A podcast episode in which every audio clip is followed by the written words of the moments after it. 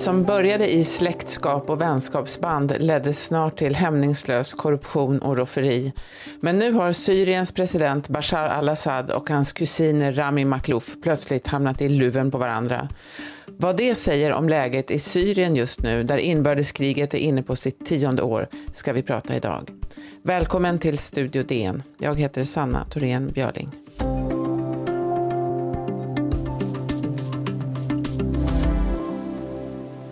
Ja, Bashar al-Assad var nummer tre i syskonskaran och utbildade sig till ögonläkare. Hans far Hafez var president och hade gjort sig själv till enväldig härskare över Syrien och koncentrerade allt mer makt till sig. Han föreställde sig att den äldste sonen skulle efterträda honom, men Basil dog i en bilolycka och den tre år yngre Bashar måste avbryta sin medicinska karriär för att börja förbereda sig för att ta över. Sen år 2000 styr han i Syrien. Han har lyckats behålla makten genom ett ett brutalt styre och under ett inbördeskrig som nu har pågått i nästan ett decennium. Bakom kulisserna är makten uppdelad mellan två familjer, där Bashar al-Assad har den politiska makten och där pengarna kontrolleras av en nära släkting, Rami Maklouf. Hela staten och alla tillgångar är på så vis en familjeangelägenhet. Men nu tycks något ha hänt. DNs Mellanöstern-korrespondent Erik Olsson är med idag. Hej Erik! Hej! Ja, du har skrivit om den här livslånga relationen mellan Bashar al-Assad och Rami Maklouf. Om vi börjar där i familjen, på vilket sätt är de här eh, herrarna alltså släkt? Ja, de är kusiner. Eh, Ramis pappa, Mohammed, han är bror till eh, Bashars mamma, Anisa. Just det.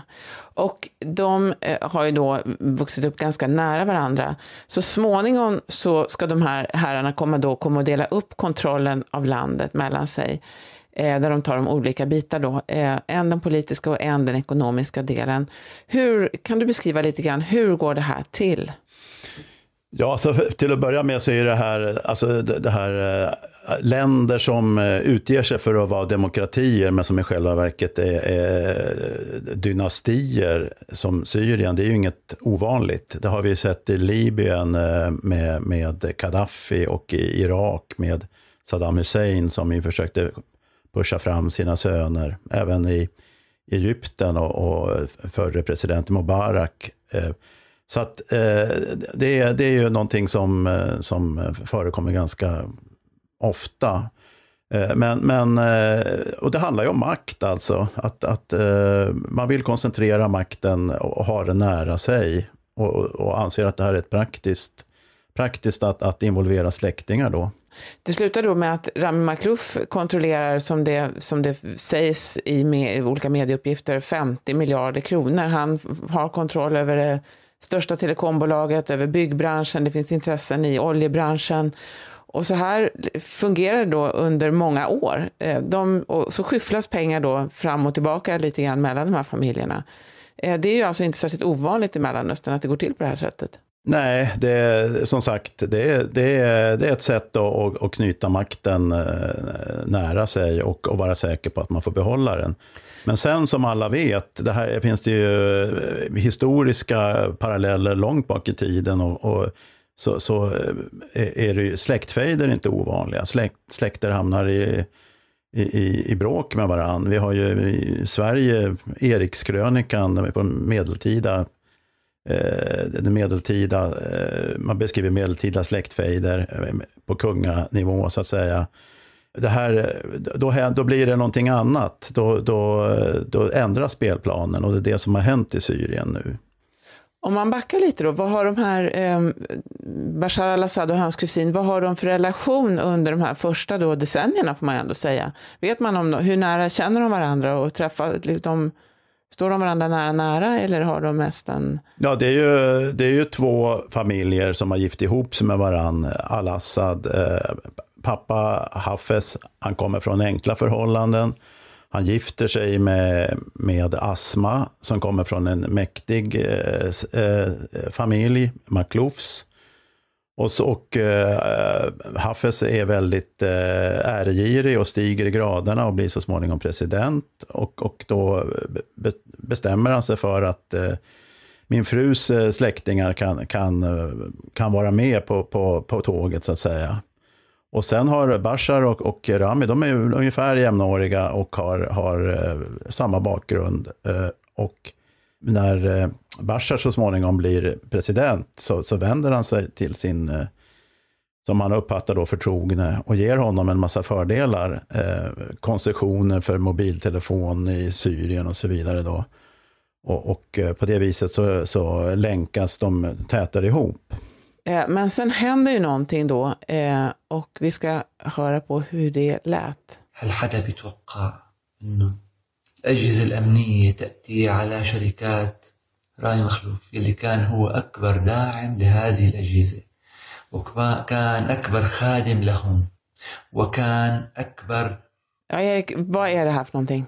Ja, det, var, det hände i, i, under våren, under försommaren, så gick eh, Rami Maklouf eh, ut och... Eh, då, eh, ja, till att börja ska jag säga att då hade ju eh, Bashar al-Assad, då hade han riktat onda anslag mot sin kusin och ville eh, beröva honom eh, kontrollen över många av hans, de, de företag som ger honom den här rikedomen.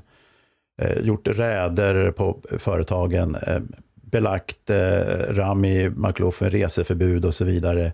Hur reagerar Rami Maklouf då?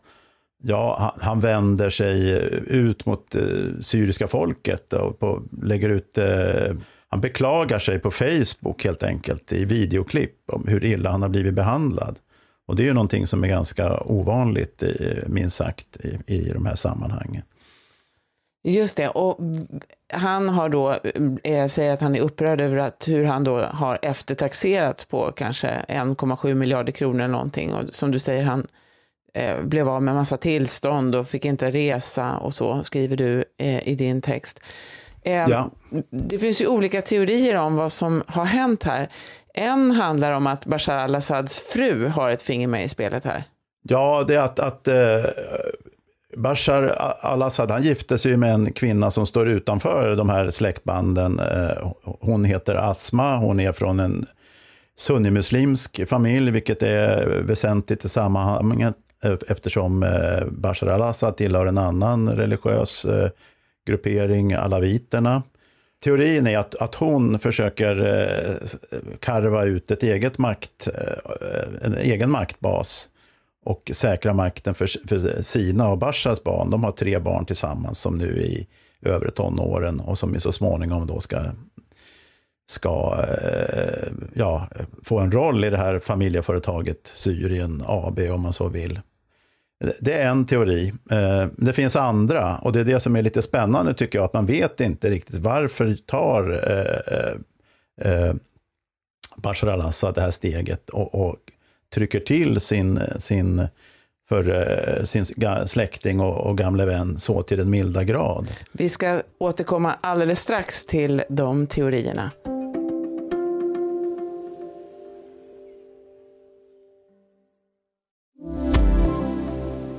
Ja, vi pratar om maktkampen i Syrien eh, mellan Bashar al-Assad och hans eh, kusin Rami Maklouf med Erik Olsson. Ja, eh, Bashar al-Assads fru är alltså bara en teori. Eh, en annan teori handlar om Ryssland.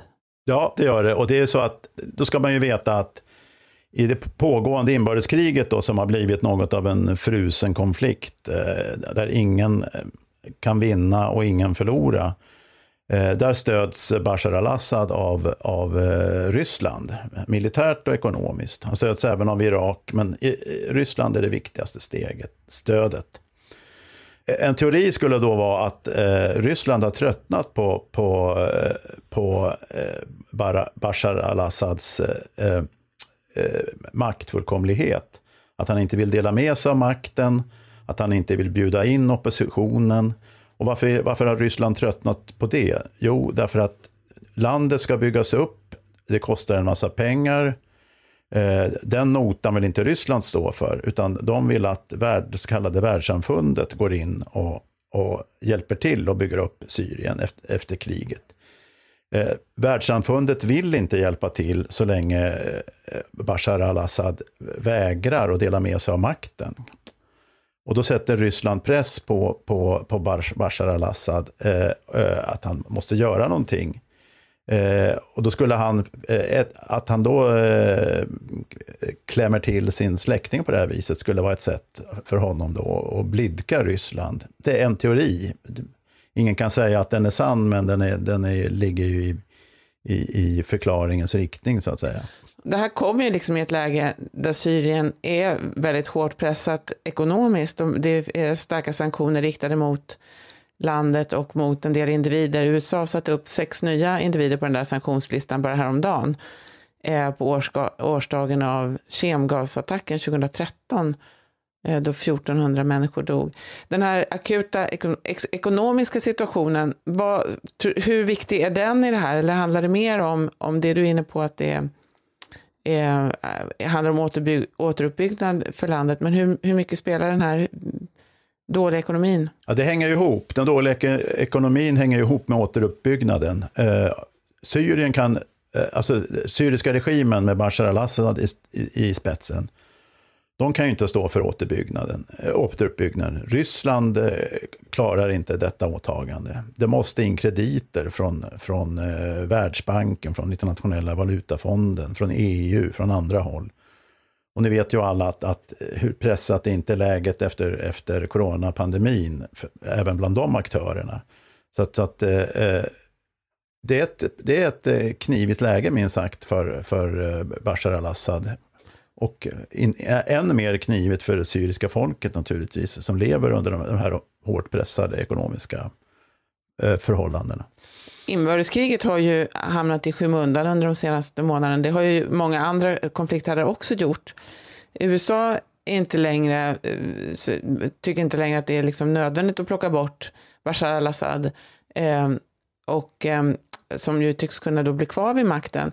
Men den här regimen verkar ju helt okänslig för hur folket har det och FN varnar för att antalet personer med osäker tillgång till mat eh, har ökat eh, ganska dramatiskt på bara ett halvår. Eh, däremot så har ju landet, verkar man ju inte ha drabbats så jättehårt av coronapandemin, men det finns rapporter, jag läste om ett flyktingläger där man riskerar att få in Eh, en smitta nu där folk svälter liksom, eh, redan. Hur ser situationen ut inne i Syrien just nu? Det var länge sedan man hörde något om det. Ja, nej, men det var som jag sa tidigare, det är ju en frusen konflikt som ingen kan vinna. Oppositionen är splittrad. Eh, det finns en, eh, en stark jihadistisk eh, komponent i oppositionen som oroar omvärlden. Det finns också oppositionella som vill ta sitt ansvar, men de flesta av dem sitter, sitter utomlands i exil. Eh, Bashar al-Assad vill som sagt inte dela med sig av makten. Och, och, det är ju väldigt problematiskt eh, eftersom det är någonting som, som omvärlden eh, sätter som villkor för, eh, för att öppna plånboken så att säga. Vad det gäller covid-19 och, pan, och eh, coronapandemin så, så är det ju så att eh, Syrien har inte drabbats särskilt hårt i antal döda och smittade jämförelsevis med Sverige exempelvis. Men man har ju lagt ett, ett eh, lock på ekonomin eh, som, som är ytterst förödande. Alltså, eh, tid, den här, den här nedstängningen i våras ställde ju till enorma e-, ekonomiska, förvärrade de ekonomiska problemen i landet. Och de styrande, tror du, hur länge kan Bashar al-Assad eh, vara kvar i den här någon slags bubbla av avskärmad lyx som det verkar som att de ändå lever i? Han, måste, han vet ju uppenbarligen om att han är väldigt hårt pressad. Det avgör ju egentligen inte han, utan det är ju eh, stormakterna som avgör. Det avgör Ryssland, det avgör eh, Turkiet som en, en stark aktör och som är motståndare till Bashar al-Assad och stöder oppositionen.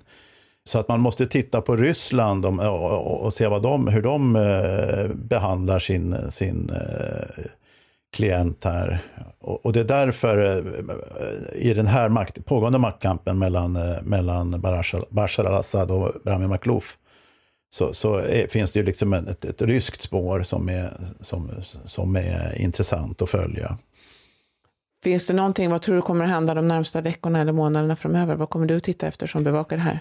Alltså just nu så är det det här som, som eh, vi har pratat om, eh, de här anslagen mot eh, Rami Maklouf. de, de hände för, nu på försommaren. Sen har det varit liksom ett kallt krig kan man säga, där eh, han och hans familj står under reseförbud. Han försöker liksom göra olika utspel. Det har funnits upp, uppgifter om att Ryssland har försökt att medla mellan de här herrarna eh, och, eh, och, att eh, eh, Makluf skulle lämna över alla sina tillgångar i utlandet till staten och, och sen som motprestation få resa ut om man vill. Men, men det, det, just nu är läget väldigt osäkert faktiskt. Tack så hemskt mycket, Erik Olsson, Mellanöstern-korrespondent. Tack. För ljudillustrationerna stod Al Arabia. Studio DN görs av producent Sabina Marmelakai, exekutiv producent Augustin Erba, ljudtekniker Patrik Miesenberger och teknik Jonas Lindskov Bauer Media. Jag heter Sanna Thorén Björling. Vi hörs.